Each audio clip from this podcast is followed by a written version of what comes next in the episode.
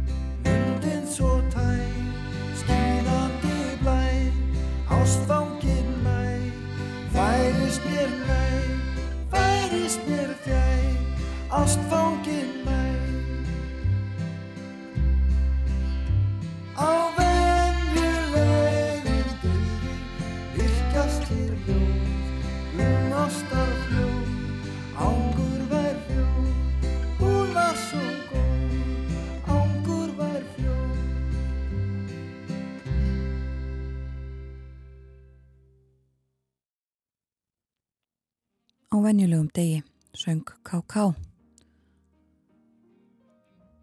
Við förum að leipa fréttastofinni að. Það koma fréttir eftir rétt rúma mínútu. Fyrst örfáur auglýsingar. Svo snúum við aftur hér á morgunvaktinu og förum nánar yfir dagskráð þáttarins í dag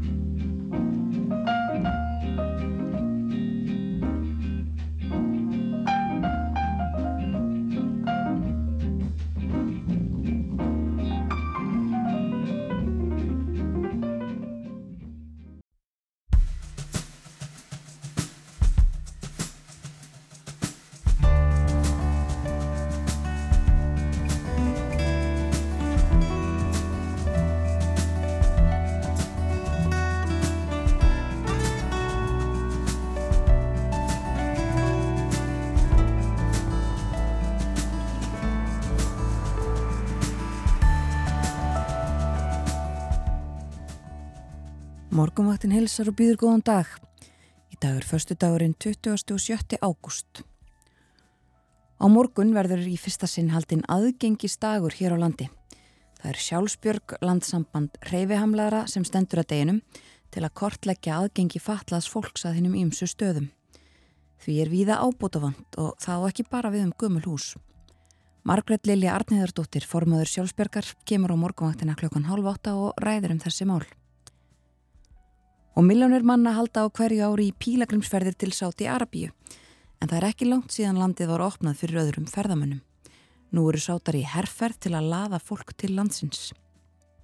Kristján Sigurjónsson, rittstjóri túrista, ræður um ferðamennsku í Sáti Arabíu eftir morgunfréttinnar klukkan átta. Og við ætlum líka að ræða um aukna og harnandi samkeppni Æslandir og Play og sé hvað fleira sem tengist ferðamálum. Birna Anna Björstóttir, sérfræðingur um bandarísk málefni, kemur svo til okkar í lókþáttarins. Við ætlum að fara yfir stöðuna í stjórnmálum í bandaríkunum. Þar eru kostningar framundan í november og nógum að vera í aðdraganda þeirra.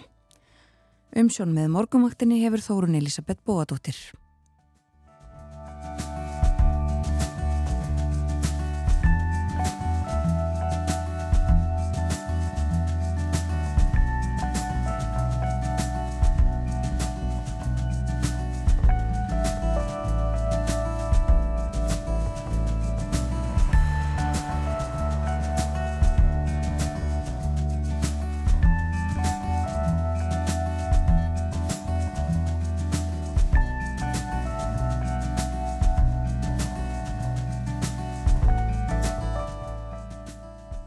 Lítum til veðurs. Það eru gular viðvaranir enn í gildi fyrir eh, Norðurland vestra og strandir og Norðurland istra. Það er taka eh, falla úr gildi klukkan tíu en eh, áfram spáð einhverju regningu. Gripum niður í hugleðingar veðurfræðings sem segir lægð gerdagsins er enn stödd úti fyrir austurströndinni og viðheldur allkvassri norðvestanátt á austanverður landinu. Þessi vindur getur verið varasamur fyrir aukutæki sem eru viðkvæm fyrir vindi. Einni rignir enn á norður og austurlandi og það er svalt í veðri þar. Setnipartin í dag dregur úr vindi og rigningum á þessum slóðum. Á sunnan og vestanverðurlandinu er annað upp á teiningnum. Þar er útlitt fyrir norðan, gólu eða kalda og sólríkt veður í dag og hiti 16 til 17 stig þar sem best lætur. Á morgun verður áður nefnt lægð á bak og burt og hæð setur yfir landinu. Það þýðir að vindur verður hægur og víðast hvar bjart og fallegt veður. Líklega svipaður hámarkseti á morgun og í dag um 17 steg á faksaflóasvæðinu og í uppsveitum á Suðurlandi. Svona hljóða augleðingar veðurfræðings og má nefna það líka að það er fallegt veður í kortunum á sunnudag, sérstaklega á norður og austurlandi, bjart viðri þar og hlýjast á landinu. Alltaf 16 stig. Og eh, verður skíjað sunnan og vestanlands á sunnudag. En ágættis viður samt um helgina. Og eh, réttað framkvæmdum vegagerðarinnar. Það verður malbyggaður kapli á Reykjanesbröti Garðabæi átt að hafna fyrir því í dag Það verður í kvöld uh, verða vinna þar í Malbyggun frá Nóðuraholti og að brúfið Vífylstaði og það er lokað á bústaðavegi frá nýja ringtorkinu og að Reykjanesbröð vega vinna þar um, og vegagerðin segir þar sem aðstæður fyrir hjáleiðir eru ekki hagstæðir er vegfærandum bent á að kynna sér leðarval áður en lagt er af stað það þarf að finna aðra leið eh, en að fara þarna um. Og eh, vegaframkvæmdir á biskupstungnabraut á Suðurlandi. Það er svona það helsta sem að nefna má í dag. En uh, lítum í blöðin. Morgumblaðið og frettablaðið koma út í dag Fórsíðu fréttablasins eru fórsetahjónin íslensku ásamt fórsetahjónum Litáens fyrir utan bestastæði í blíðskaparveðri. Fórsetin Guðni Tjáhu Jóhannesson var gestur okkur hér á morgunvaktin í gerðmorgun og rætti þessa ofinböru heimsók fórseta Íslands, Lettlands og Litáen. Sumulegðis eru utaríkisráþararíkjana og borgarstjórar höfuborga komnir hinga til lands það verður uh, var hátíðar kvöldverður í gær og verður dagskrá í dag meðal annars í hátíðarsal Háskóla Íslands þar sem að Guðni heldur erindi. Þetta er allt saman gert eh, til þess að minnast þess að 30 ár og ári betur raunar eh, eru liðin frá því að ríkin tóku upp stjórnmál og eh, frettin, stóra frettin á fórsíðu frettablasins af fastegnamarkaðinum Littlar íbúðir halda áfram að hækka. Littlar fjölbílisegnir á höfuborgarsvæðinu hafa hækkað um 27% á einu ári. Þrátt fyrir merkjum viðsnúning í verði stærri egna halda þær minnstu áfram að hækka. Og uh, þetta eru svo sagt íbúðir undir 80 fermetrum. Í júli mæltist meðal fermetraverði í fjölbíli í þessum stærðarflokki næri 826.000 krónur. Þetta kemur fram í fastegna mælaborði Deloitte. Fyrir ári síðan var fermetraverðið tæplega 651.000 og hefur það því hækkað um tæplega 27%. Vasmýrin og skerjafjörðurinn eru dýrasta hverfið fyrir litlar íbúður. Þar er verðfarðan álgast eina miljón á fermetran. Og smára linda og salakverfi í Kópavogi eru ekki langt undan. Þar eru 970.000 krónur á fermetran. Ódýrustu litlu íbúðunar finnast í breyðholtinu þar sem fermetraverð er 639.000 krónur. Fjallaðum þetta já og uh, fermetraverð stóra íbúða yfir 120 fermetra rapaði segir hér í þessari frett úr 704.000 krónum í 660. Það er nú þó lækunum rúmlega 6%. Um, rapið ekki meir en það en eftir stanslösar hækkanir síðan um áramót þá lækkaði fermetraverð meðalstóra íbúða örlítið. Það er svo að íbúðunar þarna á milli, lítill á stóra. Meðalstórar íbúður teljast 80 til 120 fermetrar. Og uh, svo fjallaðum nýtt fyrirkomulega á Kvíabryggju, rætt við skólamestara fjölbrotaskólans á Suðurlandi Olgu Lísu Garðarstóttur sem segir að það standi til að móta nýtt fyrirkomulag námsrákjafar á Kvíabryggju. Þetta var umfyllunurefni á fórsíðu fréttablasins í gerðmorgun. Þá uh, var sagt frá því að 10% staða námsrákjafa í skólanum hafi verið, eða í, í fjölbröðuskóla Snæfellinga á Kvíabryggju hafi verið löðu niður. Þetta var gaggrind af félagi fanga. Og uh, Morgumblæðið kemur líka út. Þar er mynd af fjölskyldu í tífólíinu sem nú er starrakt í Hafnarferði. Og uh, fjallaðum það sem sagt að þann Kane Taylor heitir hann sem ásand fjölskyldu sinni stendur á baku tífólíð Þetta eru bara ég, frænga mín, kærastan mín og tveir krakkar, segir hann. Hér eru tæki sem voru í hveragerði í gamla daga og svo fáum við stundum vini frá Breitlandi til að aðstóða okkur. Þeir líta bara á það sem frí að fá að skreppa til Íslands. Og aðal fréttin á fórsíðu morgunbladsins uh, fjallar um málaregstur gegn sjólasískinum Honum er lokið, finnur Þór Viljámsson saksóknari hjá ennbætti hér að saksóknara lísti því yfir við upphaf þingkalds í gerðmorgun að fallið hefði verið frá öllum ákjærum á hendur þeim. Og uh, svo líka rætt við Kristján Þór Snæbjarnarsson, starfandi fórseta ASI í blæðinu. Hann segir að ástæða sér til að verkalýsreifingin reykja á næstunni kröftur í baróttu en verið hefur. Tótnin í viðsemjöndum sé harðari en áður og samtök launafólk skæti þurft að beita afli til að ná nýjum kjærasamningum í haust. Hann segist óráðinn um það hvort hann gefur kost á sér í fórsetta ennbættið á ársfundinum sem að fer fram í oktober. Og uh, við skulum líta í blöð út í heimi eftir stuttastund en fyrst skulum við heyra smá tónlist. Heyrum í Jose González, hann syngur Stay Alive.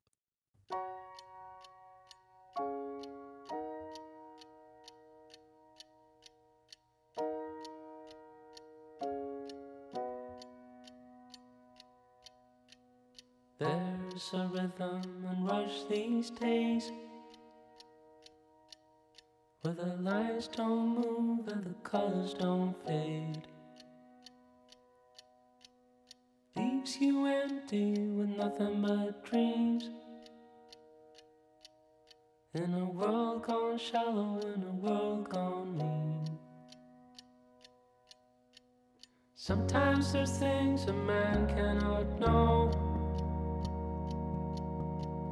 Gears won't turn and the leaves won't grow. There's no place to run and no gasoline. Engine won't turn and the train won't leave.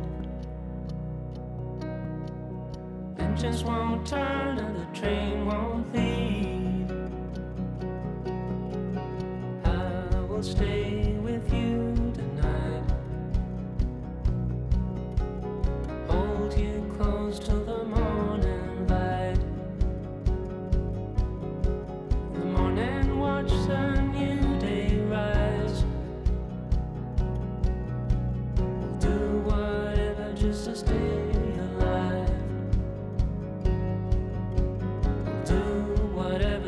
stay alive. Well, the way I feel is the way I ride. Like the thoughts of a man who lies. There is a truth and it's on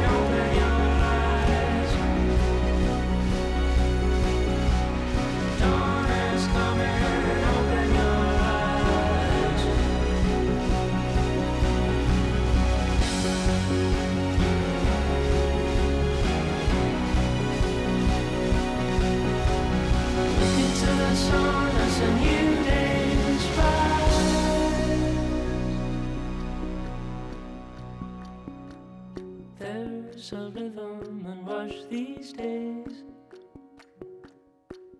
where the lines don't move and the colors don't fade. Leaves you empty with nothing but dreams. In a world gone shallow, in a world gone mean. But there is a truth and it's on our side. Dawn is coming, open your eyes. Look into the sun as a new day's rise. Lítu til sólar þegar nýr dagur rís söng Jose González í lók þessa lags, það heitir Stay Alive Jose González 44 ára gammal sænskur söngvari af argentískum ættum og við ætlum að byrja í Svíþjóð í yfirferði yfir Erlendar fréttir Við heyrðum í fréttonum klukkan sjö af nýri rannsókn sem gerð var í Svíþjóð og sagt er frá í sænska ríkisúttorpinu um það að sex af hverjum tíu sænskum læknum vildu gerðnan taka sér leifi frá störfum og einn af hverjum fimm vill ekki lengur starfa sem læknir.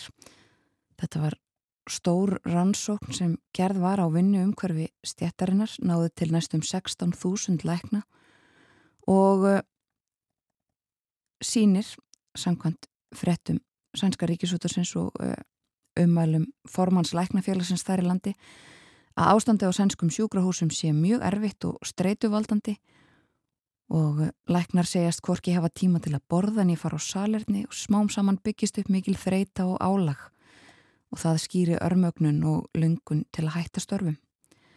Ástandi bitnar fyrst og fremst á grunnstjónustu við sjúklinga, segir í frettinni. Og uh, meira frá Svíþjóð, það er greint frá því á forsýðum blaða í dag að Anni Löf, leðtói miðflokksins, hafi verið eitt af skotmörkum manns sem að gerði árás í Visby á Gótlandi í Svíþjóði byrjun júlimónadar þegar að svo kölluð almetalvika, stjórnmálavika fór þar fram. Maðurinn, eh, Theodor Engström, hann varð einni konu að bana, eh, hann stakkana, 64 ára gamla konu, en hann er talin hafa tengst við nýna sérsta reyfingu. Áður hafði verið greint frá því að þetta mál væri rannsakað sem hriðjuverk en ekki upplýst fyrir henni gæra löf væri talin aðili málsins eh, vegna þess að þetta maðurinn ætlaði sér að ráðast á hana og eh, fjallaðum þetta í nokkrum með mörgum sænskum fjölmiðlum í dag. Og fórsíðun á aftenpostin í Noregi er sagt frá nýri rannsókn stærstu rannsókn sem gerð hefur verið á því hvort að þjálfun gerir umverulega gagn gegn hjarta áföllum sagt frá því að allir innan gesalappa trúið því að reyfing gerir gagn gegn veikindum en í raun sé skortur á gögnum þarum Svo líka fjallaðum þá fórsýðu uh, aftenposten að einn af hverjum fimm kennurum í Noregi yfirgifur fæið innan tíu ára frá því að hafa byrjað sem störf sem kennari. Það er rætt við kennara í blæðinu sem hefur starfað í 17 ár sem slíkur en upplifur að starfið sé ekki mitið að verðleikum. Og norskir fjölmiðlar líka að fjallum dönsk stjórnmál í dag. Forsættisráð þeirra Danmerkur sökuðum að vera einráður, segir í fyrirsögn á aftenposten. Og stjórnmálinn eru líka til umfjöllunar í danskum fjölmjölum á fórsýðu informásjón fjallaðum mingamálið svo kallaða þar sem fórsættir sá þeirra Danmörkur Mette Fredriksson kemur sannarlega við sögu. Sagt þær að það þurfi að halda áfram að ræða það mál en e, það sé stóra spurningin hún fjalli um stjórnkerfið sjálft og embættismenn innan fórsættisraðunindisins valdheimildir og fleira slíkt og uh, frá Danmörku skulum við fara til Breitlands verð þak á orkuverð uh, sem er ákveðið af þar til gerðum yfirvöldum í Breitlandi það verður vantanlega hækkað verulega í dag upp í 3500 pund og það er fjallað um þessi mál í flestum bresku blöðunum. Á fórsíðu Guardian er sagt að hækkanir og orkuverði munu vekja óta um allt Breitland það er haft eftir talsmunum verkamannaflokksins. og annar staðar fjallaði um að orkuverð heimila geti hækkað um alltaf 8-10%. Og samkvæmt fyrir þetta í Telegraf munu verðhækkanir verða til þess að yfir helmingur fjölskyldna í Breitlandi upplifið það sem kallað er orkufátækt þegar að meirinn 10% af tekjum heimilisins fara í orkukostnað.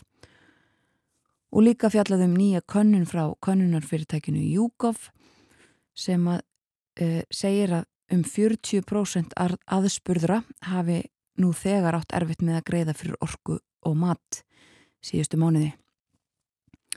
Og blöðin fjalla líka mörg hverjum áform uh, Liz Truss og Rishi Sunak sem að keppast um að verði næst í fórsættisráð þeirra landsins. Áform þeirra um að takast á við vandan þau hafa bæði heitið stuðningi við áform núverandi stjórnvalda sem ekki að setja 15 miljardar punta í að hjálpa heimilum í landinu En Tröss segist líka alltaf að grýpa til frekari aðgerða. Hún uh, lofar stuðningi strax og hún vil læka skatta, skatta og afnema grænar álögur.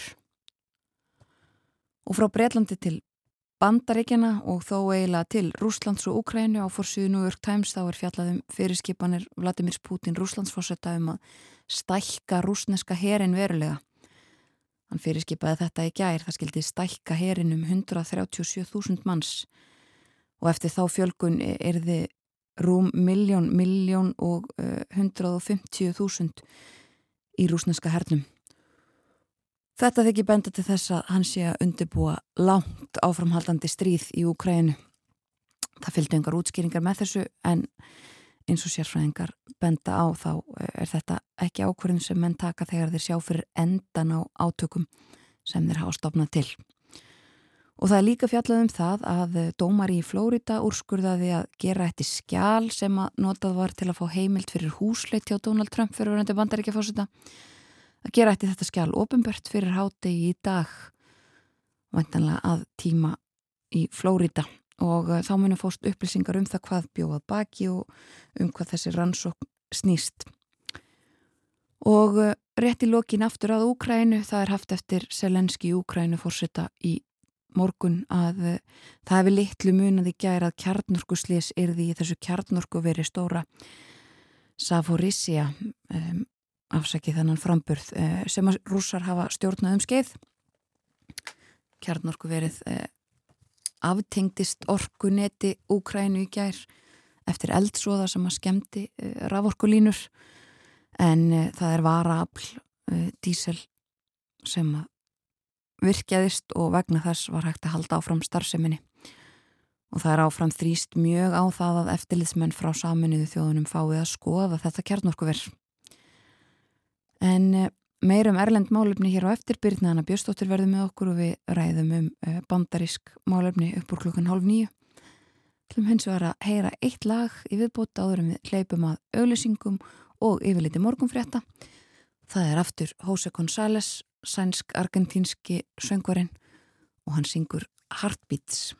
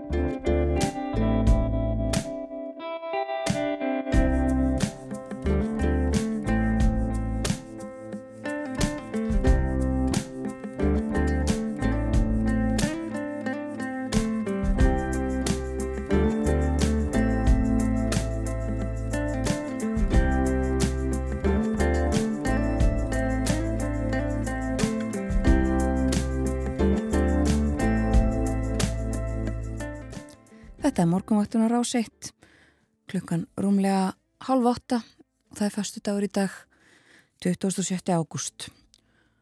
Og eh, Andri Irkil Valsson fór yfir veðrið, eh, mestu regningar yfir staðnar á Norðurlandi eh, en guðlu viðvarannar enn í gildi til klukkan 10 og létt skýja í dag sunnan og vestanlands alltaf 16 steg að hiti og ryggning áfram einhver á norður og austurlandi. Töluvert kaldara þar fjögur til nýju steg.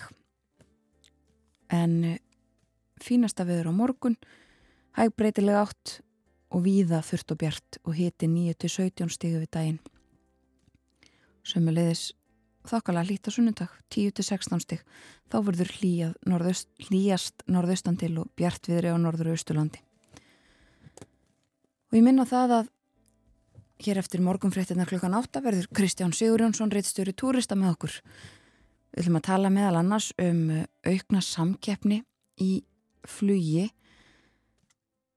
Æslandir og Play uh, Play tilkynnti á dögunum um uh, nýjan áfungastæði bandaríkunum og uh, sumt svona farða að minna á samkeppnina millir Vá og Æslandir á sínum tíma en eh, Kristján fyrr nánar yfir þessi mál hér á eftir.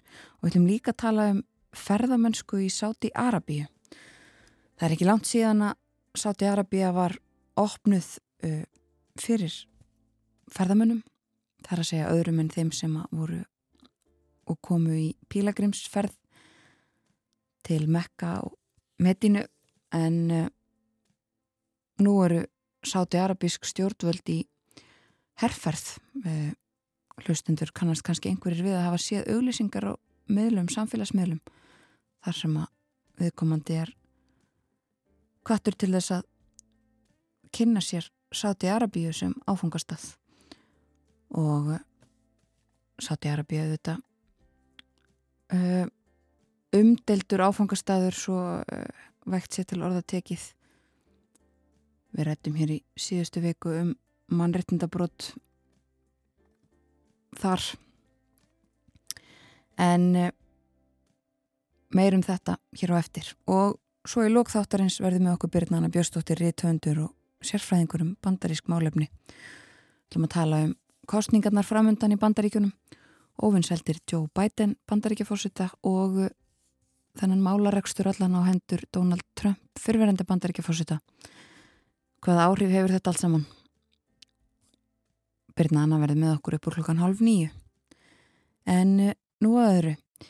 Á morgun verður í fyrsta sinn haldinn aðgengistagur hér á landi. Það er sjálfsbjörg landsamband reyfihamlara sem að stendur að deginum og tilgangurinn er að kortleggja aðgengi fatlas fólks að hennum ímsu stöðum. Aðgengi er víða ábútafant eh, og þá ekki bara við um gömul hús. Margrit Lili Arniðadóttir formaður sjálfbergar er komin hinga til okkar. Vertu velkomin á morgunvaktina. Takk, takk. Um, segð okkur bara fyrst kannski frá þessum aðgengistegi. Já, þetta er fyrsti aðgengistagurinn í, í bara mannaminnum og fyrsti aðgengistagur sjálfsbergar uh, og þetta, við stefnum á að þetta sé komið til að vera og við erum að halda hann hátilegan um allt land Það Ísafjörður, teku þátt, Akureyri, Siglufjörður og Suðunesin og, og höfuborgarsvæði og er með bara frábært að sem flestir taki þátt í, í hérna,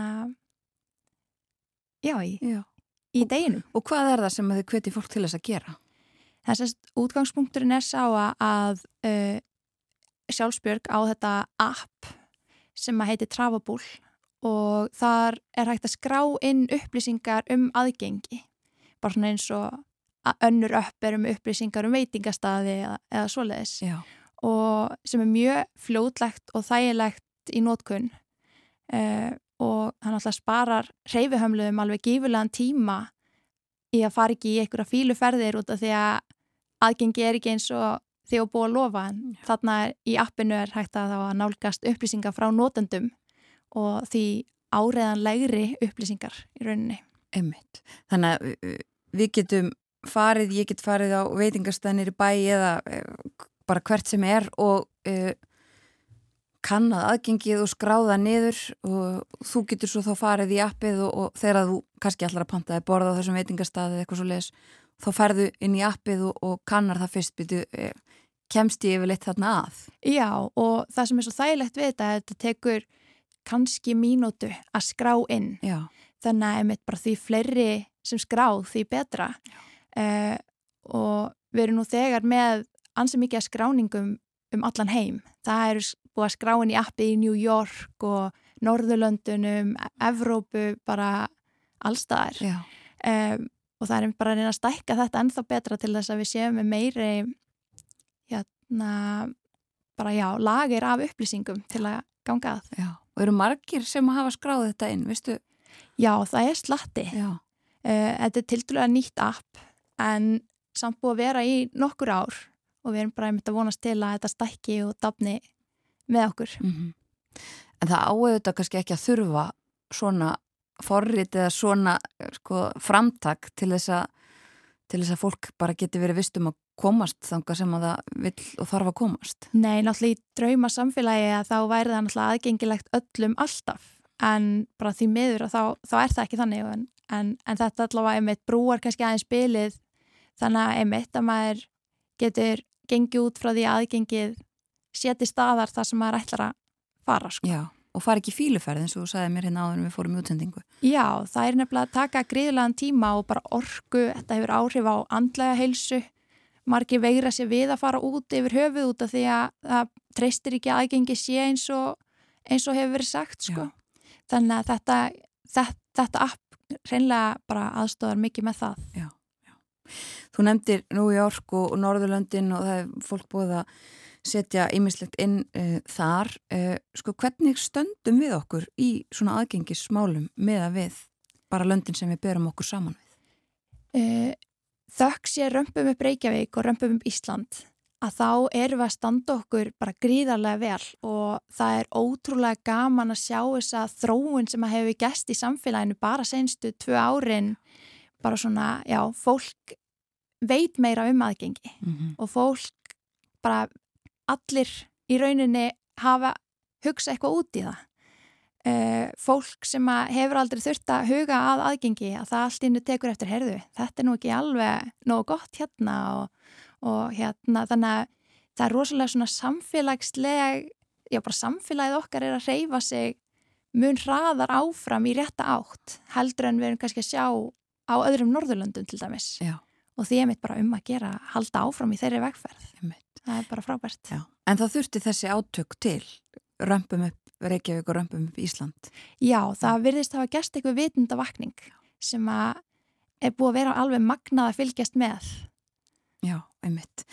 Sko, já, þannig að við erum svona að bæta okkur og það er auðvitað búið að sko gera breytingar þannig að e, já, ný hús sem eru byggð og, og, og svo leiðis sko eiga að uh, huga að aðgengismálum en svo er líka sko, ekki alltaf nægilega vel staðað að verki. Það er ekkit langt síðan til dæmis að ég sá mynd sem að fórum alltaf á samfélagsmiðlum þar sem var nýtt hús, það var rampur en hann var algjörlega ónótæfur. Já, við erum því miður að sjá þetta á nokkru stöðum um, en, en Núna þá er til dæmis arkitektafélagið og byggingafulltrúar annað í samvinnu við örkjabandalagið upp á að fá fræðsluna Já. og ég hugsa að eina leiðin er með til þess að uppræta þessi mistök sem að hafa gæst bara út af vannþekkingu að það er einmitt bara fræðsla, fræðsla, fræðsla. Mm -hmm. Og þá hjálpar einmitt þetta að við sko uh, öll sjáum einmitt rampana sjáum þessa eins og þú nefndir sko fólk sem hefur aldrei þurft að hugsa um aðgengismál, þetta er sínilegra og þá kannski förum við öll að vera meðvitaðri um nöðsynina á þessu. Já, nefnilega og, og veist, það getur ekki bara verið hreyf, hreyfihamla fólk í þessu. Það, þetta er ótrúlega líandi baróta en maður þarf náttúrulega alla meðspilara og vera með, með manni í liði í þessu. Mm -hmm. Þannig að hérna ég mitt bara að allir láti sér þetta varða. Já, og sko þú sjálf hefur það oft veigraðir við til dæmis að fara út úr húsi eða fara ekkert? Já, það hefur alveg gæst að ég hef einmitt bara svona að ég, ég nenn ekki að þurfa að eða orku í þetta eða svona ég, ef ég treyst ekki alveg upplýsingun sem að mér eru gefnar að, að þá svona ef maður aðeins svona erfiðar að koma sér að stað, mm -hmm. bara skiljanlega. Já. en hérna en þannig að þetta er, þetta er ótrúlega leiðilegt líka þegar fólk er að fægra upplýsingarnar á F-síðunum sínum og annað. Og svo, svo standast það er ekkit alltaf. Nei, einmitt, er þú bara betra að segja bara að hér er ekki aðgengi fyrir alla? Já, og bara einmitt reyna að gera eitthvað í því líka. Já, já, akkurat Já, og þið eruð að gera eitthvað í þessum málum, upplýsingamálum með þessu appi og þessum degi um, og hann er á morgun og það geta allir tekið þátt um, en sko, þú tókst við sem formadur sjálfsbergar bara fyrir á þessu ári en hefur verið viðriðin uh, reyfinguna í lengri tíma en það hver eru svona önnur mál sem, a, sem að brenna á á eitthvað fólki? Það er náttúrulega aðalega aðgengismálinn en í rauninni allt sem að snýra því að reyfihamlað fólk fá að lifa lífi til japs við aðra og þar kemur inn eh, notundastýr personleg aðstóð og eh, heilbreyðistjónusta, félagsstjónustan, bara Já, allt sem að snýra því að vera reyfihamlaður í rauninni. Já. Hvað eru margir sem að sko, svona, taka þátt í, í starfi sjálfsbjörgar? Það er, ég er ekki með algjöra tölu svona akkurat núna en Nei. við erum með tólf aðeldafélög um allt land uh, og hérna bara þannig að það er fullt af félögum í sjálfsbjörg sem er bara frábært og með því fleiri því betra. Já. Þannig að það er margi sem eru mjög aktífir og, og ótrúlega gaman að fylgjast með, með starfinu á hinnum og þessum landshóttnum. Já, og þeir ekki líka sko þekkingar miðstöð. Getur þú sagt mér aðeins frá, frá því?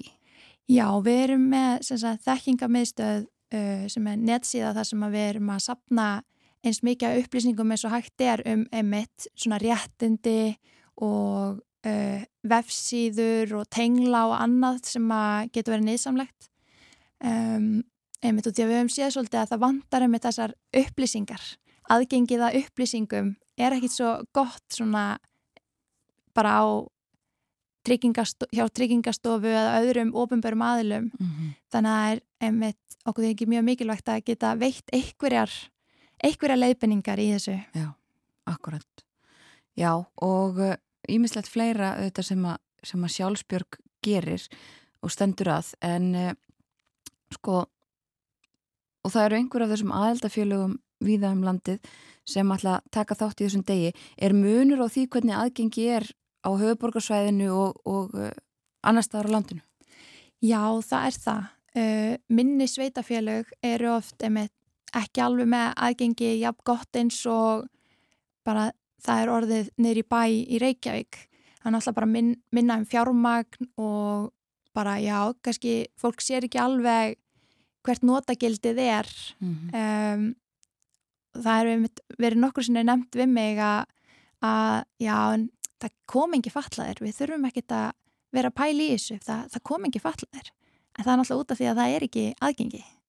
Og því að ef það er ekki aðgengi að þá náttúrulega kemur fólki í hjólastólum ekkert. Akkurat. Þannig að hérna Það segir sér sjálft Já, já. En uh, einmitt, því þú nefnir þetta hvernig er til dæmis bara eins og að ferðast um landi minna náttúruperlutnar okkar uh, það er nú búið að gera alls konar uh, víða undarfærin ár setja upp einhverja útsýnispalla og alls konar svona bæta svona almennt aðgengi en uh, er gert ráð fyrir reyfihömluðum í því líka? Já, á sömum stöðum sem að hérna er ótrúlega gaman að sjá og og hérna bara mikið að tæknaði mig þarna Já. af svona, ég held að þetta heiti svífandi rampur sem að einmitt gera það verkum að hjólastólar komast yfir einmitt grítsvæði eða bara erfitt undilag án þess að, að trubli náttúruna. Já. sem að ég held að sé bara framtíðin einmitt að gera þetta þannig að við getum öll notið fegurinnar hérna á Íslandi. Akkurat. Og uh, fólk getur á morgun og auðvitað alltaf hvar sem það er stætt á landinu uh, haft þetta smáfórið Travelable og sett inn upplýsingar. Já og, og hérna í Reykjavík á morgun klukkan eitt að þá ætlum við að hittast í hátúni 12 og hérna hvet alla sem vilja vera með að taka þátt. Uh, einni ætla fólk að hittast á Akureyri klukkan hérna eitt á Ráðustorkinu og það þar er þetta hluti af Akureyra vöku uh, á Ísafyrði verður farin ganga um bæin og skoða aðgengið og á Siglufyrði að þá hérna uh, verður já, verður dagskrá líka sem að hérna, já, það verður gengið um Siglufjörð og, og fyllt inn í appið og svona einhverju mm. fræðslumólar um aðgengi og, og svo verð, býður sjálfsbjörg þar í kaffi og vöflur og sjálfsbjörg á Suðunesjum verður með opið hús eh, hjá sér á Feitjabraut 6 klukkan, millit klukkan 2 og 5 Já. þannig það er á ymsu stöðum og, og bara um að gera að taka þátt Já, nógum að vera og líka hægt að vera bara uh, annar staðar á landinu og fá sér göngutúr og Já, skoða. nefnilega Já. og bara hvena sem er, það er að góða við það akkurat og líki í útlöndum eins og þú nefndir Já, Takk fyrir að koma til okkar á morgunvaktin og ræðum aðgengismál Margret Lilja Arniðadóttir formaður sjálfsbjörgar. takk, takk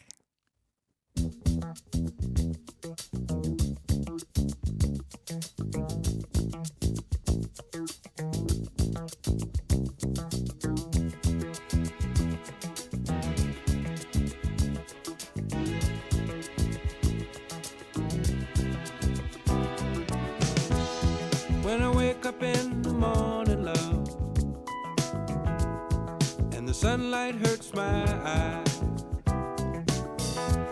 and something without warning, love,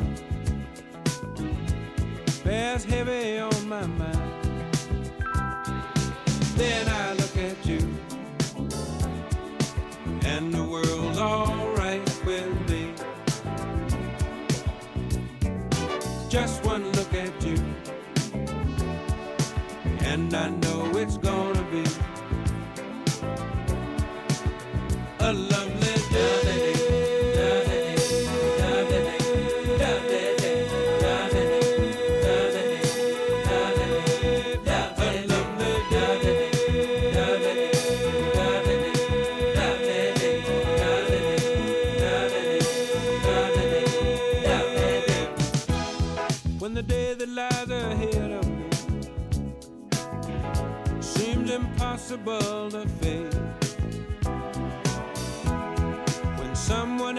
Instead of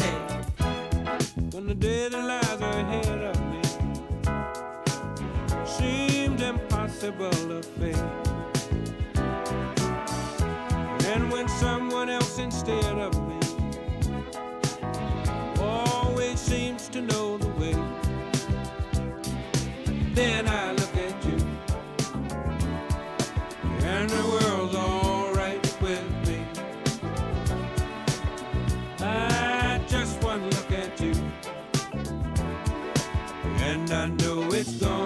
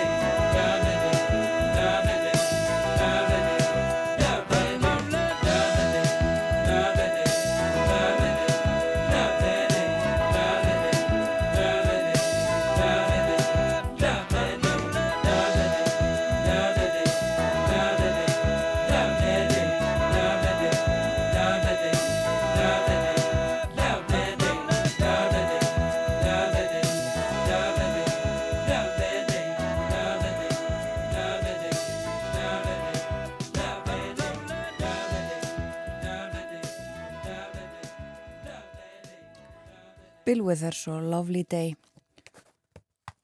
Og sannlega endislegu dagur í uppseglingu hér í Reykjavík að minnstakosti fínasta veður. Og eh, áður en að við leikum þetta lag þá var hér hjá okkur Margrit Lilja Arnheðardóttir hún er formaður sjálfsbjargar landsambandsreifi hamlaða sem að standa á morgun fyrir aðgengi stegi í fyrsta sinn. Og uh, þetta er gert til þess að fá fólk til að uh, færin upplýsingar í smáfórit sem að uh, sjálfsbjörg á sem heitir Travaból og það er hægt að skrá inn upplýsingar um alls konar staði og aðgengi að þeim. Það er nefnt hér uh, verslanir, kaffihús, veitikastæði, söpn, kirkjur, íþróttamannverki og önnur þjónusta. Og þetta sparar hrefuhömluðu fólki spórin, saði Margret okkur. Það er tímafrekt og orkufrekt að fara einhvert uh, og komast svo að því að það er ekki aðgengi og uh, getur bara tekið mikið á fólk andlega líka eins og hún saði en uh, þöks ég þessum verkefnum römpum upp Reykjavík og römpum upp Ísland þá er Ísland ferða að standa betur að við heldur en til að mynda hinn Norðurlöndin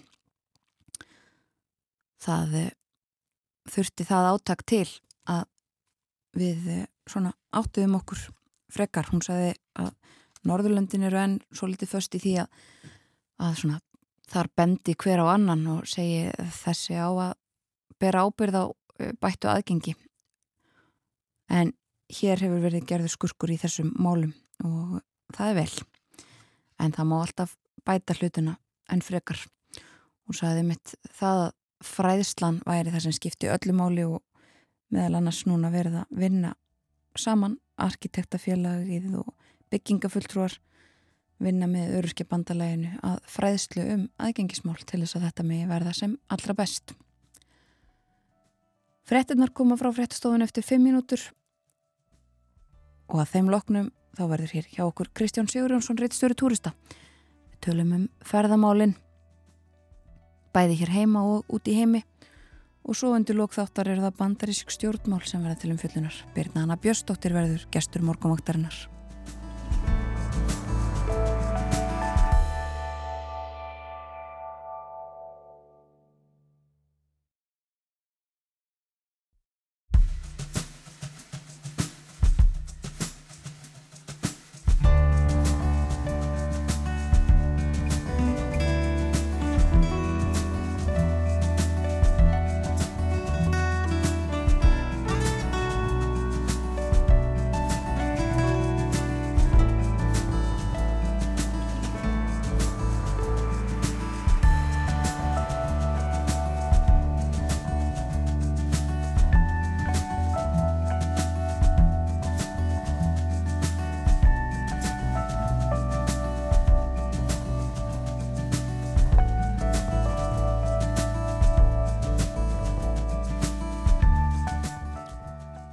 Morgumvaktin og ráseitt heldur áfram klukkan 6 mínútur gengin í nýju. Hér fyrir frettinnar var hjá okkur Margrit Lilja Arnheðardóttir, hún er formaður sjálfsbjörgar landsambands Hreyfihamlaðara. Við rættum um aðgengismál á Íslandi. Þau eru ágætt, eh, við stöndum okkur betur heldur en eh, hinn Norðurlöndin, sagði Margret, en eh, það er þróun sem hefur orðið bara rétt á síðustu árum og uh, ástæðan er áttak eða uh, já, áttak sem að Haraldur Þorleifsson stóð fyrir römpum upp Reykjavík og svo römpum upp Ísland. Þetta hefur breytt heilmiklu saði Margrit Lilja. Og uh, á morgun verður haldinn aðgengis dagur sjálfsbjörgar í fyrsta sinn. Það þá er fólk hvað til þess að taka sér gungutúr og skráin upplýsingar um aðgengi inn í smáfórið sem að sjálfsbjörg á sem að er uh, heitir Travaból og það sparar reyfuhömluðum orgu og tíma að geta flett þar upp og séð hvernig aðgengi er að hennum í ymsu stöðum. Og þetta er hægt að gera, þetta geta allir gert Og hér á eftir þá verður hjá okkur Byrnaðana Björnsdóttir, reytöfundur og sérfræðingur í bandarísku málefnum. Ég ætlum að tala um bandarísk stjórnmál. Það verður kosið í bandaríkjónum í haust. Nánast alltaf kostningar framöndan í bandaríkjónum. Uh, og við ætlum að tala um kostningarnar. Hvað er framöndan, hvað er svona mest spennandi. Við ætlum líka að tala um óvinnsaldir fórsetans og uh, þessi málaferðli á hendur fyrirverandi fórseta. Ímislegt sem hægt er að ræða alltaf um bandarisk málumni en uh, nú er klukkan rúmlega átta og það er förstu dagur og Kristján Sigurjónsson er með okkur og hann er komin hinga til okkar í hljóðstofu 6 í efstaleiti. Velkomin. Takk fyrir. Já, þú ert stattur á Íslandi um, og uh, flugst í gær. Við ætlum að tala fyrst um flug og samkeppni í flugi.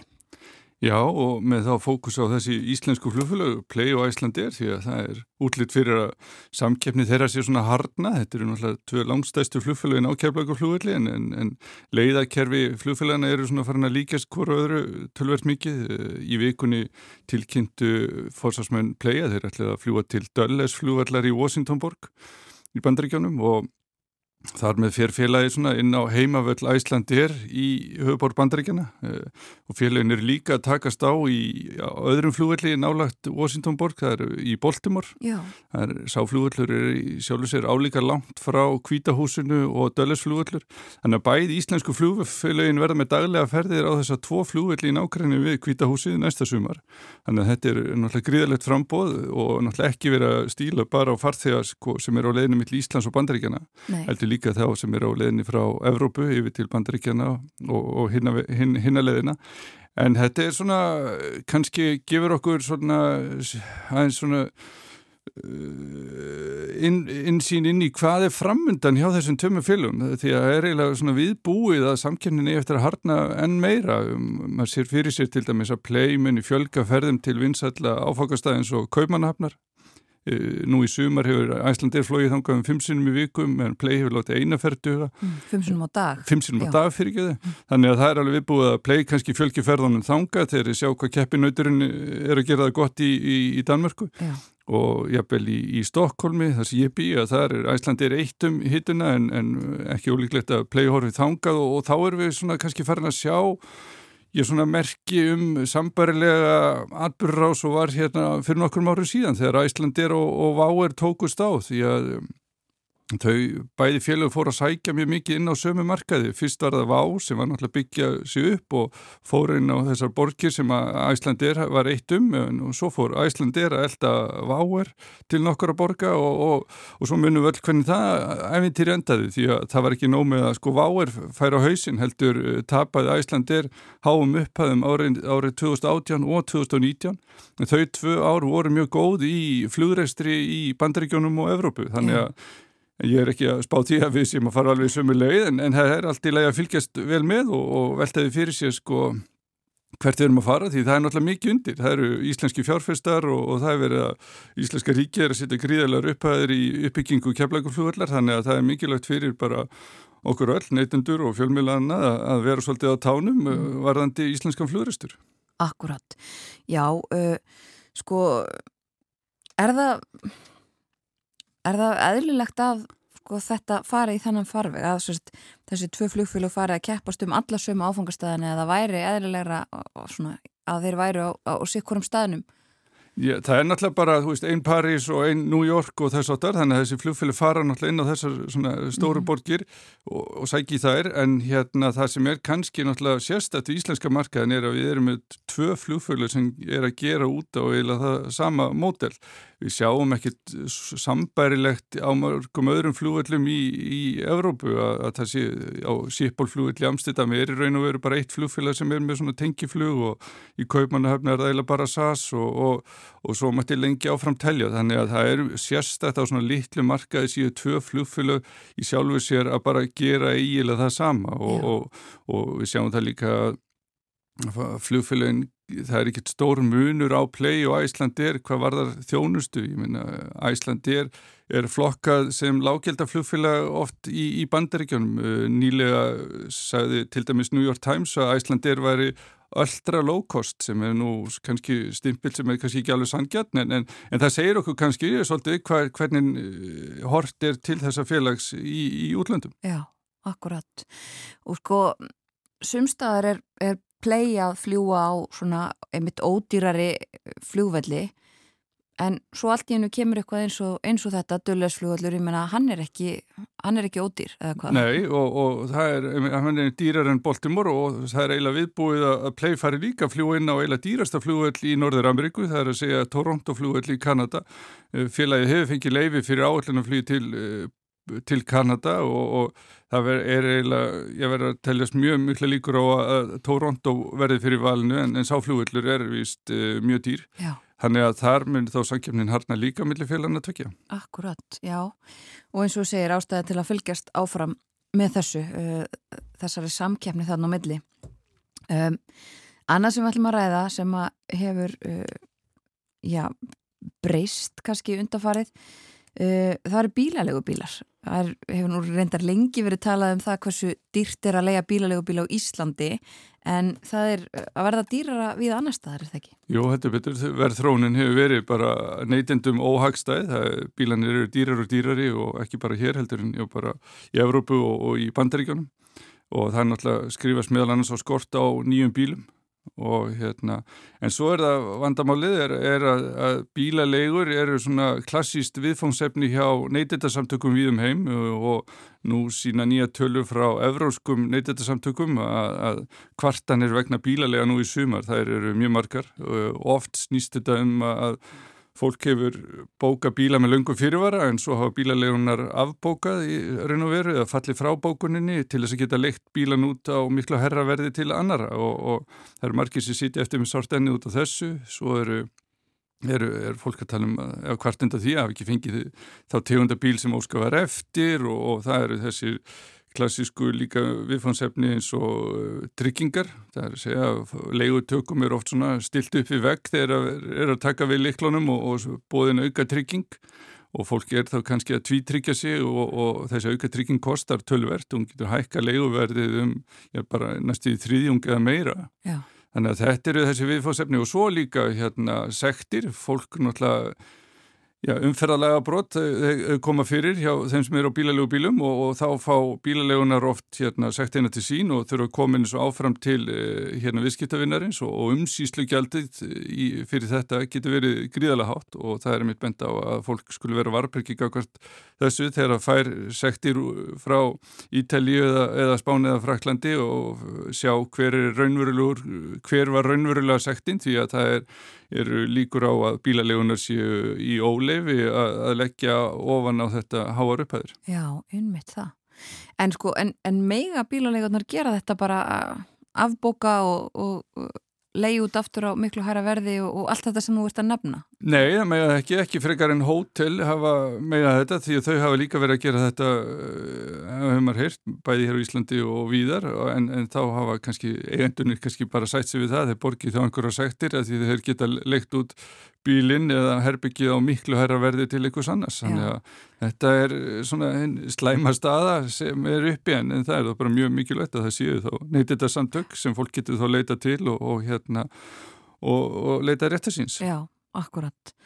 Já, uh, og margir þetta sem kannastu þetta sem þú nefndir að uh, þú leiði bíl og, og heldur þú sérst að leiði einhvern ákveðin bíl en það er alltaf þetta smáa letrið að þú færð kannski svipaðan bíl jú, jú, en ekki bílinn sem þú heldur ekki, ekki að vísa hann að róa hvað þetta var Nei, akkurat Já, uh, og eins og segir skortur á bílum, nýjum bílum sem að líka hefur sett að segja þarna. En um, við ætlum að tala hérna í setniluta spjallsokkar um Sáti Arabíu um ég er allavega ein af þeim sem hefur, orð, hefur orðið vörfið það að, að mér er beint auglýsingum um að heimsækja Sáti Arabíu Visit Sáti, þetta er á samfélagsmiðlum og, og mér er svona uppálagt að fara að kynna mér þetta sem uh, áfangastað eru stjórnvöldi Sáti Arabíu í stórfældri herrferð hvað þetta varðar? Já, ég verður viðkynna, ég hef ekki fengið þessar auðlýsingar en það er kannski bí í Svíþjóð, þeir kannski er með markkópin Ísland en, en, en ráða með nýs áti Arabi eru stórhuga hvað var þar uppbyggingu ferðarþjónustunar, það er stemt á að ferðarmannafjöldin verði um 100 miljónir ári frá með árinu 2030, það er sko markföldun á við það sem er núna, árið 2019 komum 20 miljónir ferðarmanna til Sáti Arabi og, og, og það stendur náttúrulega landinu fyrir þrjöfun sem svona áfokast að þar eru, eru svona takmörk á, á frelsi fólks, til dæmis bann við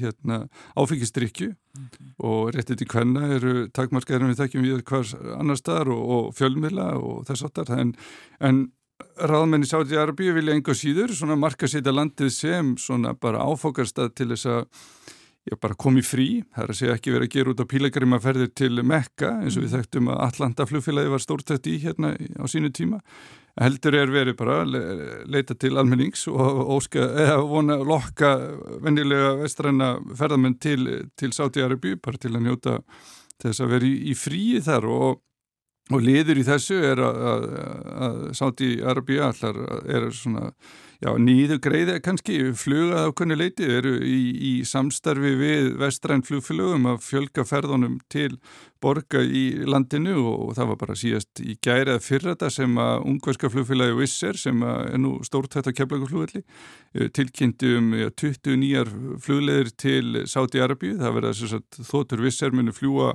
ja, mest frá Ítalju til uh, þryggja borga í, í uh, Sáti Arabíu, þannig að það verður í sjálfsögur raunhæft fyrir farið á keflaguflugvelli að fljúa til Rómar og, og fljúa svo áfram þaðan með visser til, uh, til Ríad eða, eða Jeddah og, og, og það flýið frá Ítalið til Sáti-Arabíu tökur um fjóra til fimm klukkutíma ef ég maður rétt.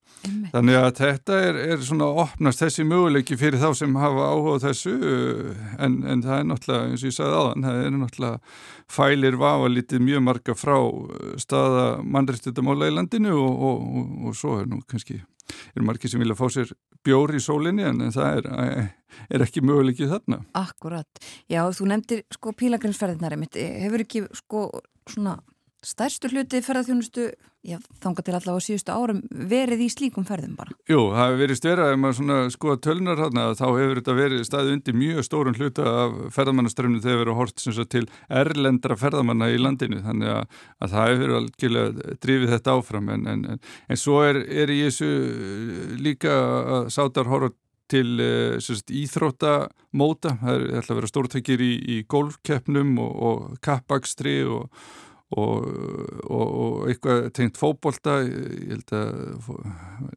Messi fókbóltaspilarinn hann allar er orðin eitthvað svona andlit ferðarþjónustu í, í hérna Saudi-Arabi Messi er hérna knaspurnum að ég ætla að taka fram að hljómaði núna eins og einhver antisportist í henn Já, einmitt og, og uh, sátar verið tengtir það ekki líka eitthvað um liðum í, í Englandi og svona? Jújú, jú, heldur betur. Peningarnir sem að flæða þaðan í emitt þetta og eins og þú nefnir golfmót, uh, risa stór á, á dagskráni og ímyndslegt verið að gera emitt til þess að kannski, og þetta er allt saman kannski hluta af því að fegra ímynd sáta.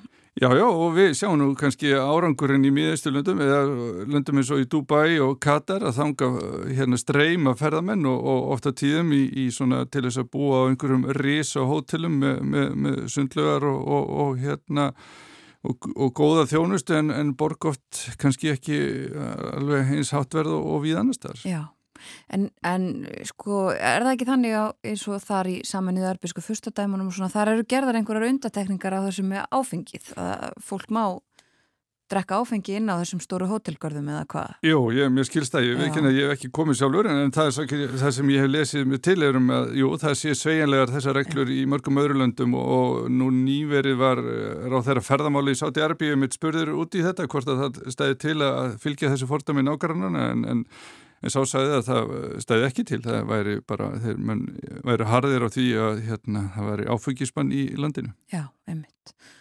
Akkurat og það hefur líklega sitt að segja þarna. En, en sátarsvært er það svipað samt sko e, svona svipið hugmynd þessi stóri hótelgarðar og svona þar sem fólk getur bara verið og, og, og þarf ekki að bara reyfa sig nánast. Já, eh, náttúrulega Sáti-Arbjörn er tölur stærra land en jú, þeir verðast nú ætla einmitt að gera út á líka þá sem vilja komast í, í svona einhverja menningu og svona öðrísi eh, náttúru, ef við getum orðað þannig, en, en, en hérna nágrannar þeirra í þessum litlu fyrstadæmi geta búið upp á. Já, og þetta ímislegt að sjá vantanlega í Sáti-Arbjörn ef, ef að fólk er tilbúið að stiðja ríkið með þessu og, og taka áhættuna og að fara þanga. Akkurat, við hérna segjum þetta gott að ferðarspjalli þessa vikuna. Kæra þakki fyrir í dag, Kristján Sigurjónsson. Takk fyrir mig.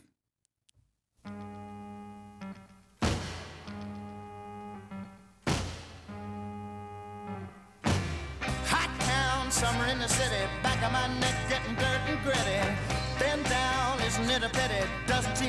shadow in the city. All around, people looking half dead, walking on the sidewalk harder than a match here. But at night it's different world. Go out and find a girl. Come on, come on and dance all night. Despite the heat, it'll be alright. And babe, don't you know it's a pity the days can't be like the nights in the summer, in the city, in the summer, in the city. Cool town, meeting in the city, dressed so fine and looking so pretty. Cool cat, looking for a kitty, gonna look in every corner of the city. Till I'm wheezing like a bus stop, running up the stairs, gonna meet you on the rooftop. But at night it's a different world. Go out and find a girl. Come on, come on and dance all night. Despite the heat, it'll be alright. And babe, don't you know it's a pity the days can't be like the nights in the summer, in the city, in the summer, in the city.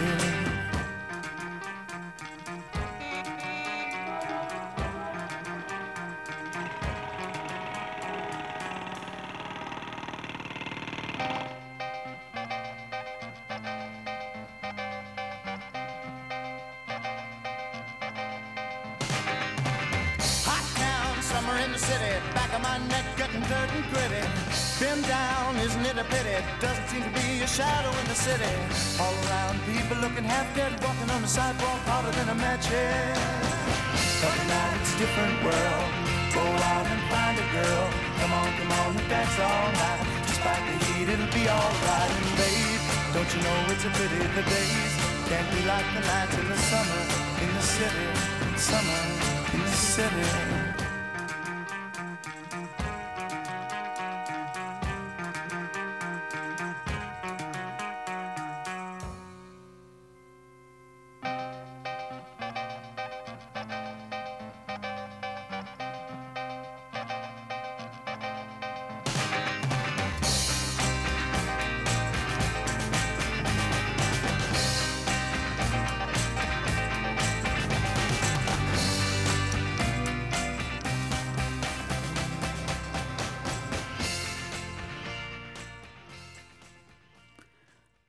Love and Spoonful og Summer in the City. Kristján Sigurjónsson, reittstjóri túrista haldin út í daginn, hann var hér hjá okkur í hljóðstofu 6 í efstaleiti, er venjulega í Stokkólmi.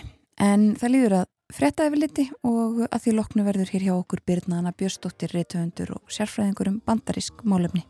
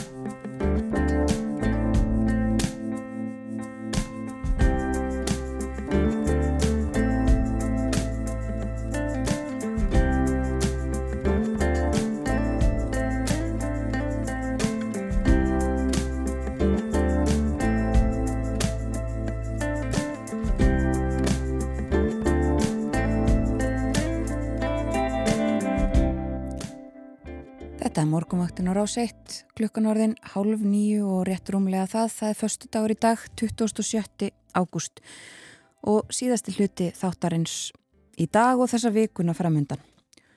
Og uh, við lítum aðeins til veðurs, norðan 5-10 metrar á sekundu en norðvestan 10-15 um landið austanvert.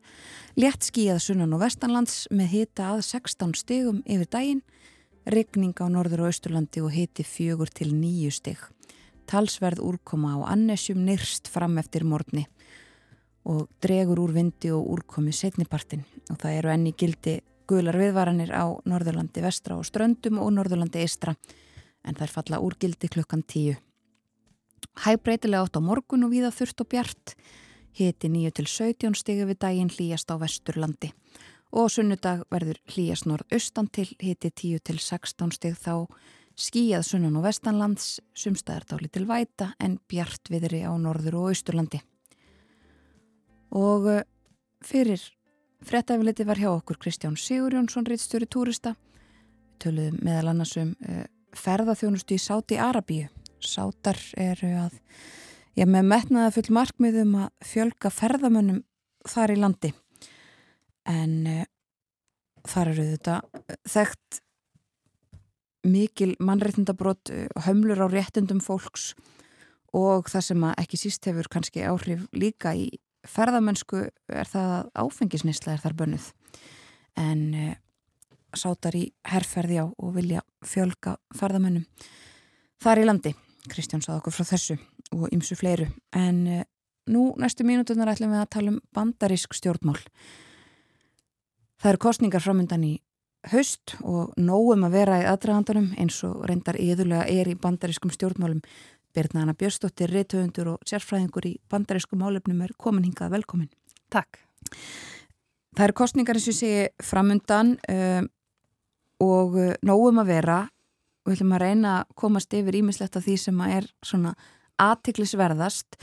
Um, Ef við kannski bara aðeins að staðsetja okkur sko, hva, það eru kostningar til þings aðalega svona á alríkisvísu er það ekki í, í haust? Jú, það verður kosið á, í báðan þingdeldum og eins og við vitum í bandaríkjunum þá eru hérna, það er ekki kosið allt þingið í einu, heldur hluti af bæði öldungadeld og fulltróadeld mm -hmm. og þá mhm. geta, þá geta hérna, hlutföllin í þingdeldunum breyst og það hefur náttúrulega mjög mikil áhrif á hvernig allt er í bandaríkjónum eins að þing, báðar þingdil þurfa að samþekja allt. Akkurat og því hefur svona, já það eru þetta sko gerðar kannanir, ég lefur mér að segja daglega, það er alltaf verið að skoða þetta og sko hvernig lítur þetta út núna fyrir þessa tvo flokka? Já, sko núna eins og við vitum þá er demokrater með meiri hluta í báðum þingdeldum alveg svona naumasta meiri hluta í öldungadeildinni sem hefur verið snúið líka vegna þess að þau eru með tvo þingmenn sem eru stundum erfiðir. Bara, og eru stundum að sita hjá eða kjósa jafnvel með republikanu þannig að það skiptir máli fyrir demokrata reyna að auka meirilutan sinn þar, það myndi gera allt auðveldara. En og svo eru þau með líka meiriluta í fulltrúaldeild en svona og það er alltaf þessar, þetta kallast hérna midterm kostningar sem er alltaf tveimur árum eftir fósittakostningar og þá er, kos, er kosið til hluta af báðanþingdildum á tveggjarfresti og það er svona í sögulegu samhengi yfirleitt þannig að flokkur sitjandi fórseta tapar í þessum midterms Akkurat. og það er að því þá hefur hinn flokkurinn lagt mjög mikið kapp á að auka, meiri, að auka sinn sína þingmenn í báðandildum mm. og svona fram að bara svona síðustu vikum þá bentur eiginlega flesti þess að republikana myndu ná aftur meiri hluta í fulltrúadeildinni. Það var svona aðeins meiri spurning með öldungadeildina. en hérna, en svo hafa bara orðið ymsar vendingar í sumar í rauninu og síðustu vikum það sem heitir orðið einhvern veginn miklu tvísvítna. Því demokrater hafa sótt á út af mörgum stórum málum þannig að núna er þetta í rauninu allt mjög opið mm og það er komið svona svolítið kapp í demokrata að þeir svona sjá að þeir gætu jafnvel um, haldið fulltróðdeildinni jafnvel aukið aðeins meiri hlutan í öldungadeildin en, en republikanir eru náttúrulega fullu líka. Þannig þetta er allt bara svona frekar spennandi Já. og hérna kannski erfitt að segja hvernig það fer. Svolítið opið. Já. Já, já eins og sagðir það er svona uh, oft þannig að, að flokkur sitjandi fórseta tapar. Um, margir sem segja að það hafi kannski sko einn af þessum vendipunktum hafi verið niðurstaða hæstaréttar uh, bandaríkjana í, uh, var það ekki í júni þegar að löggjöfum þungunarófar feld úr gildi vernd í stjórnarskrá. Klárlega, það er risastóra málið. Og það er, það er málið sem hefur svona haft þessi stóru áhrif kannski ófyrirsjáanlega áhrif kannski ekki síst innan raða republikana. Þetta er búið að þeirra svona stóra mál í ára og ára tugi að reyna að koma þessi gegn. Og svo komst þetta gegn með svona þeir kannski vissu að, að hinliðin yrði reið og hérna og það yrði mikið uppnám. En það er líka innan, innan republikana ekki síst á auðvitað hjá konum þannig að þetta snýst um réttindi hvenna að þetta hefur ekki verið farið eins vel og þetta verið ekki verið eins vinsalt hjá öllum sérstaklega republikana konum vegna þess að þetta snýst, jú, vissulega um þungunarof en í stóru samiki snýst þetta um réttindi hvenna mm. og það, það er svo klárt að það veri að setja konur niður fyrir kalla með því að þær hafa nú ekki yfir á því lengur yfir einn líkama í þessum fylgjum þar sem að búið er að banna þungunarof og það, og það hefur ekki farið klárlega ekki vel í, í demokratakonur en ekki allar heldur hinnum einn vegna þess að þó svo þetta hafi verið mikið hafi verið mikið kapsmál hjá flokknum þá sína kannanir og hafa sínt lengi að meiri hluti bandarækjumanna þar með talið republikana allra, kalla og hvenna vilja að það sé möguleikja á einhvers konar möguleikja þungunarofi vissulega með takmörkunum en það er ekki meiri hlut að vilja hjá einu svona republikanum fyrir því að þungunarof sé alveg bannað. Nei. Og svo höfum við séð í sumar hvað þetta hefur verið hræðilegt vegna þess að þessi svona yktustu dæmi sem er alltaf tekin upp í umræðinu og hafa verið hinga til svona hérna bara dæmi í umræðinni hafa raungerst þessi hræðilegu dæmi um mjög unga stúlkur sem að hérna hafa orðið fyrir sem að hafa verið beittra ábeldi sem að eru núna látnar ganga með börn. Mm. og þessi svona þau hafa bara verið í dómskerfinu og þau hafa komið upp og þannig að það var ekki þannig að ok, stundum í umræðinni var þetta oft sagt sko þegar verið að ræði þetta áður en þetta var gert. Já þetta eru svo ykt dæmi, þetta mun aldrei verða svo bara gerist þetta strax. Já, að við sjáum bara að vera að brjóta hræðilega réttindum mjög ungra hvenna að ekki sér tala um bara almennt réttindi allra hvenna þannig að þetta hefur valdið opaslega miklu uppnáð í bandaríkjónum og, og hef, mun hafa áhrif klárlega í kostningunum og það vil líka sínt til nefnilega að hérna skráningar fólki sem fólki í bandaríkjónum starra skrásetla kjósa og þær hafa aukist gríðarlega að undaförnu og sérstaklega hjá konum sérstaklega hjá ungum konum. Já. Ungar konur eru að flikjast til að skrá sig til að kjósa og það að skrá sig til að kjósa þýðir að er munu kjósa í nógumber. Já, akkurat. Og sko, eins og þú segir, þetta hefur ekki verið vinsælt meðal demokrata og ekki heldur sömra republikana. Um, einhver staðar og við að tala um sko að þetta hefði ekki bara verið óvinsælt heldur hafi þetta bara virkjað demokrata. Þeir séu virkari og svona eh, kröfturi fyrir vikið. Já það sína til dæmis þessar skráningar og það sem við vitum náttúrulega kjörsókn í bandaríkjunum hefur ekki verið góð, það er erfitt að kjósa í bandaríkjunum, það er kosið á þriðju degi, fólki er gert svolítið erfitt fyrir að kjósa og það er svona kerfislegt, svona inn, það er svona kerfislegt vandamál sem að, sem að er jafnvel sko oft talað um að það er, fólki er viljandi gert erfitt fyrir að kjósa, Já. þannig að hérna og þannig að það, en, en þannig að kostningþáttak er ekkit eh, sérstaklega góð. Mm en þetta, þannig að það er óbúslega mikið atkvæðum að úti sem, þarf, sem er hægt að sækja. Þannig að um leið og fólk verður svona hleypur kappi kinn yfir einhverju málefnum sem eru mjög sterk, sem höfðu sterk þeirra þá er, miklu, þá er svo mikið að fólki að núti sem, sem að getur komið og kosið. Já. þannig að ég held að það verði svolítið stórt mál hvað munum margir hérna, kjörsóknum mun skipta óbúslega miklu máli og við sjáum það núna bara, það hafi verið svona, það voru bara í síðustu viku svona, það eru svona aukakostningar og þingsætti sem opnast, til dæmis var það í New York fylki núna bara fyrir nokkrum dögum. Og þar var þingmaður, þar var í svona, það var í einu litlu kjördæmi það sem að, þetta var mjög jæmt og þar var demokratin um, hann bara hann var, hann notaði þetta bara í barátunni, alveg mjög mikið, hann bara, við, við, nú snýst þetta bara um við sjáum konur jafnar köllum og hinn er ekki. Og hann bara not, og þetta demokrater hafa verið svona fram að þessu svona, þetta verið ekkert verið eins neitt rúslega stórt mál í þeirra um pólitísku umræðu á meðan republikanar hafa bara notað þetta mjög mikið í sínum kjördæmi þess að þeir vita þeir höfða til þessa svona, þessa hóps, þessa kristna hóps sem að, sem að vil hérna banna þungunur af, en, en demokrater hafa svona verið, þetta verið ekkert verið stór, svona stórt mál, þeir hafa verið svona pínu kannski feimnir við að, að þetta hefur bara einhvern veginn, þetta er viðkvæmt en núna er bú, þetta búið að gerast. Og þá bara faraðu á þessu og það síndi í þessu kjörtamildamist hjá þessum að hann, hann vann, Já. bara góðan sigur. Þannig að það, og það hefur verið að tala um það í kjölfarið að þetta bendir til þess að þetta verði kannski nota meira í að fólk í barátunni að þetta verði bara hérna, nota sem stort kostningamál Já, akkurat.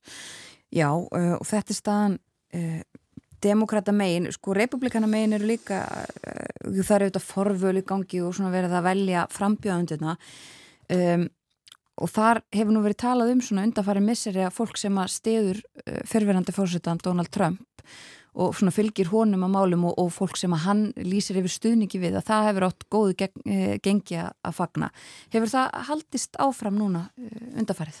Já sko, hann, það var alveg þannig að hann bara stimplað einhvern, þetta er frambjöðandin eða voru einhver forvöl og, og þá bara var viðkomandi kosin. Það hefur aðeins breyst núna undarferðnu eftir að hérna eftir að hann hætti og líka bara svona eftir að þessi öll þessi mál sem að núna hlaðastu mm -hmm. hafa orðið erfiðari og það er ekki lengur þessi gulltrygging að fá hans og það hafa frambjöðandur tapað sem að hann hefur hérna stimplað. Já og þá segir hann nú oft eftir að já, ég var nú ekkert að meina þetta og þið veitu hvernig hann er sko en hérna að því að hann vil náttúrulega halda því einhvern veginn uppi að hann hérna, stýrið þessu enda og hann gerir það einhverju leiti en þessi mál er alltaf að vera erfiðar og erfiðari það er rannsóknin þarna um 7. januar og það er núna þessi skjöl sem hann var með á Mar-a-Lago og svo eru málaferli í New York yfir fjármálum fyrirtækjana hans og þessi mál svona þetta, það þingist alltaf róðurinn og það er bara verið ákvæmst að fylgjast með því þú veist við, við, höfum alltaf verið frá því hann kom fram á sjónasvið það var komið fram mál og, og það, svona, til að byrja með var bara alltaf já þetta er máli sem mun fellan þetta er máli sem mun fellan ég held að við vitum alveg núna að það verður aldrei eitthvað eitt mál sem fellir hann kannski en svona skriðfungi allra þessara mála saman svona veikir hann og svo kannski kemur að því. Eða, eða við vitum það, við vitum það ekki, en hann er ekki alveg, klárlega ekki með sömu sterkur stöðu hann var. Nei, þannig að þetta er, hefur áhrif, það er ekki þannig að honum takist að bara snúa, snúa stöðnusmunum sínum. Nei. Nei. Og við höfum séð það líka, eh, sko hann er farin að, eh, já, Mitch McConnell sem er leiðtögi eh, republikana í, í öldungundildin hann er farin að tala svolítið uh, gegnunum, þeir eru ekki ganga ekki takt. Nei og það hefur svona verið í gegnum tína svona það var komið svona einstaka mál þar sem að þeir hafa ekki gengið í takt en þeir hafa samt einhvern veginn alltaf því Mitch McConnell er náttúrulega bara opbúslega kannski klókur eða svona já hann er bara svona fer svolítið eftir hann svona siklir alltaf og hon, honum tekst alltaf sjálf um einhvern veginn að halda sér hérna við völd. Og en jú en, þannig að það er jú það verður sko en hann samt sko hann hefur alltaf dansað en hann dans með honum sko en þeir hafa ekkit alltaf verið mm. alveg 100% saman en nú er hann alltaf í raunin en þetta er samt svo að því að stjórnkerfið það, það er ekki forma alltaf í þessum flokkum sko Nei. hann er ekki með formlega stöð hann er bara með áhrifastöðu Já. þannig að það er einhvern veginn staða sem hann er fyrirhandi fósitin er í eða miss, geti mist, það er bara svona spurning hvenar flokkurinn svona bara hvað flokkurinn gerir meðan í rauninni og Já. þetta er, ég menn það eru tvö ár núna í næstu kostningar, hann er búin að segjast alltaf fram aftur það er alveg spurning hvort að það verði og hvern, hvort að flokkurinn bara ákveða stiðjan í því. Þetta svona hans grásrót er miklu sterkari með honum heldur en kannski fólkin af flokksins en fólkin af flokksins heldur með honum og meðan grásrótin er með eins og það eru kjósendunir þetta, þetta verður áhugavert að fylgjast með því að, þessu vindur fram. Já, og sko það var fjallaðum að svolítið uh, í sumar að uh, Joe Biden bandrækjafósiti væri óvinnsæll hann var, það er auðvitað eitt af þessu, ég nefndi á þann að það eru gera skoðanakannanir á hverjum degi í bandrækjunum og, og eitt af því sem er alltaf mælt það eru svona vinsældir og óvinnsældir fósita og uh, hann var komin mjög neðarlega í, í slíkum könnunum í sömar uh, hvernig er staðan á honum og hans vinsældum núna? Hann er að sykla aðeins upp og þessar, einmitt þessar hann náttúrulega er kannski frekar að lára ennþá hann, hann er kannski svona, en það eru svona ymsar kannanir, það eru náttúrulega margar kannanir, þannig að en á síðustu svona, á síðustu dögum kannski örfáum vikum þá hefur hann farið upp svona samkvæmt sumum kannunum svona alltaf bylunu 5-10% hann er svona komið kannski upp í svona 46-7% sem er svona alveg þokkalegt. En það er ímislega mál sem, mál sem að hafa hjálpa þar til, hann hefur komið stórum stórum pökkum í gegnum þingið loksins í, í samvætti við efnaðasmálinn, verbulguna og umhverjusmálinn og það tókst að lokum þegar var hægt að snara þess að tvo erfiðu öldungadelda þingmenn hérna með. Og svo var, svo var hann náttúrulega núna að gera ótrúlega svona me me merkilegan hlut sem að er að hérna fella niður hluta af námslánu fyrir bandaríkjaman og þetta er stórt mál vegna þess að þetta kemur við byttuna hjá ót bara gríðalegum fjölda mm -hmm. bandaríkjamanna. Og það er hérna fólk mun finna fyrir þessu. Bara, bara í heimilisbókaldinni hverju mánuð það lækka áborganir hjá svo bara 20 miljóna bandaríkjamanna. Og þetta er áhugavert sko vegna þess að þetta hefur verið mikið kapsmál hjá vinstri hluta demokrata, vinst, vinstri vang demokrata um, þessi, svona, svona vinstri og jável rótakasti armur demokrata hefur talað mikið um þetta, hvað Já. þetta er mikið jöfnunatæki og gott fyrir hérna, almenning að fella niður námslánu, þannig að námslánu kerfi í bandarækjunum er mjög hérna, það er bara erfitt og snúið og, og, og ekki sangjant og en það, en svona miðjannu demokratum hefur verið bara, þetta er ómikið og þetta er svona, þetta er þarna en, og, og Joe Biden hefur oft verið talað um hann sem svona meiri svona miðjumann innan flokksins en þarna tekur hann þetta mál, þetta risastóra mál þeirra og tekur það sem sitt mál mm -hmm. og það sýnir líka að hann, ef við hugsaum bara um þetta politist, að hann er að tegja sig aðeins tangað sem að hefur verið talað um að, að væri gott fyrir demokrata að gera, finnst að þar er svolítið kraftur, þar er unga fólkið og það eru kjósundur sem þau þurfa að fá inn til sín fyrir kostningar þannig að þetta mun hafa, þetta mun hafa rosalega góð efnahagslega áhrif í bandarækjónum. Það er hérna, nú fá allir, sérst, fólk fær fælt niður 10.000 dollara eða 20.000 dollara og þau sem fá, og það er 1,4, það er hérna, þetta eru, þetta eru ágættis upphæðir mm -hmm. skipta máli í bókaldinu og þetta er fyrir alla sem eru með hérna 125.000 dollara ári eða Já. minna sem er miljónum mánuð þannig að þetta er ekki bara fyrir láttökjufólk þetta Nei. er bara fyrir millistjættina og vinnandi fólk þau fá þetta öll í sína bötu og svo eru stærri niðurfelling fyrir þau sem fór, voru á styrkjum í skólum þannig að það er svona þau sem að byrjuðu verð þau fá 20.000 dólara þannig að þetta, þetta mun hafa áhrif og ég held að þegar fólk fyrir að finna fyrir þessu hjá sér þá mun hérna þá mun það alveg hafa góð pólitíska áhrif líka Akkurat, já og það eru hlutið mitt af þessum efnahagsmálum sem eru já, alltaf sko, stóri í bandarskum kostningum en kannski alveg mjög stór e, núna.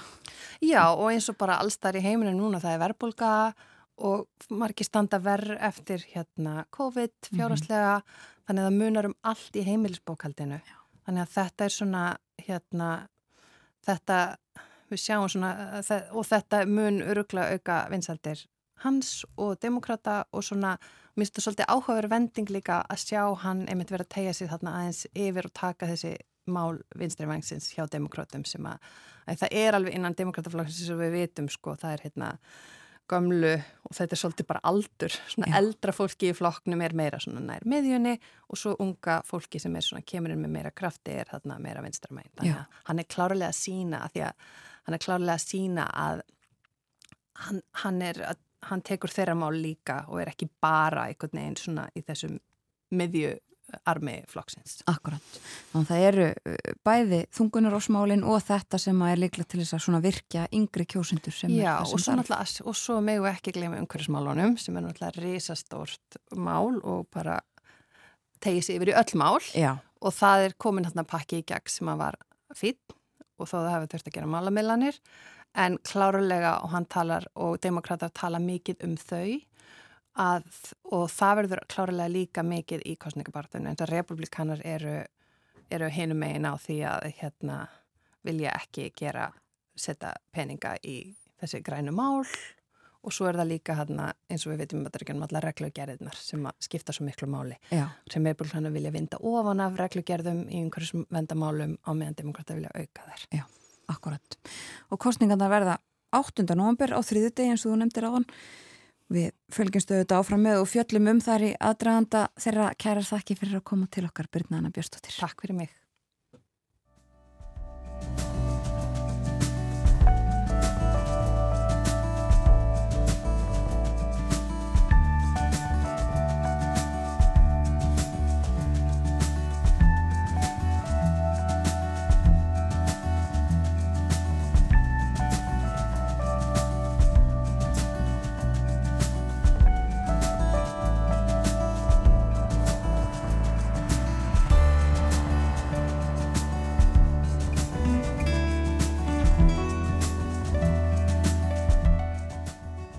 Birna Anna Björnstóttir, réttöfundur og sérfræðingur í bandarísku málefnum.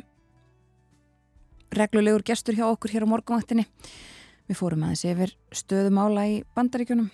Joe Biden bandaríkjafórsiti svona að rétta úr kútnum hvað var þar vinsaldir og ímislegt, ímis stór mál sem hann hefur náði gegn undanfarið. Ekki síst þetta risastóra námslánamál sem við nefndum hér á morgunvaktinni gær og töluðum um núna afskriftir á námslánum koma til með að gagnast 20 miljóna bandarækjumanna og hér fyrir í morgun var hjá okkur Kristján Sigurjónsson reittstjóri túrista. Við rættum um ferðamálin að venju. Og fyrsti gestur morgunvaktarinn er dag var Margret Lilja Arnheðardóttir hún er formaður sjálfsbjargar landsambands reyfihamlara við töluðum um aðgengi aðgengismál, það verður haldin aðgengistagur á morgun í fyrsta sinn þar sem fólk er hvað til þess að skrá hjá sér aðgengi að ymsum stöðum. En morgunvaktin er lokið í dag og þessa vikuna. Við þakkum samfélgina og verðum hér aftur í næstu viku. Bjóðum góðan dag, venju samkvæmt um það byrj tíu myndur í sjö á mánudagsmorgun. Góða helgi og verið sæl.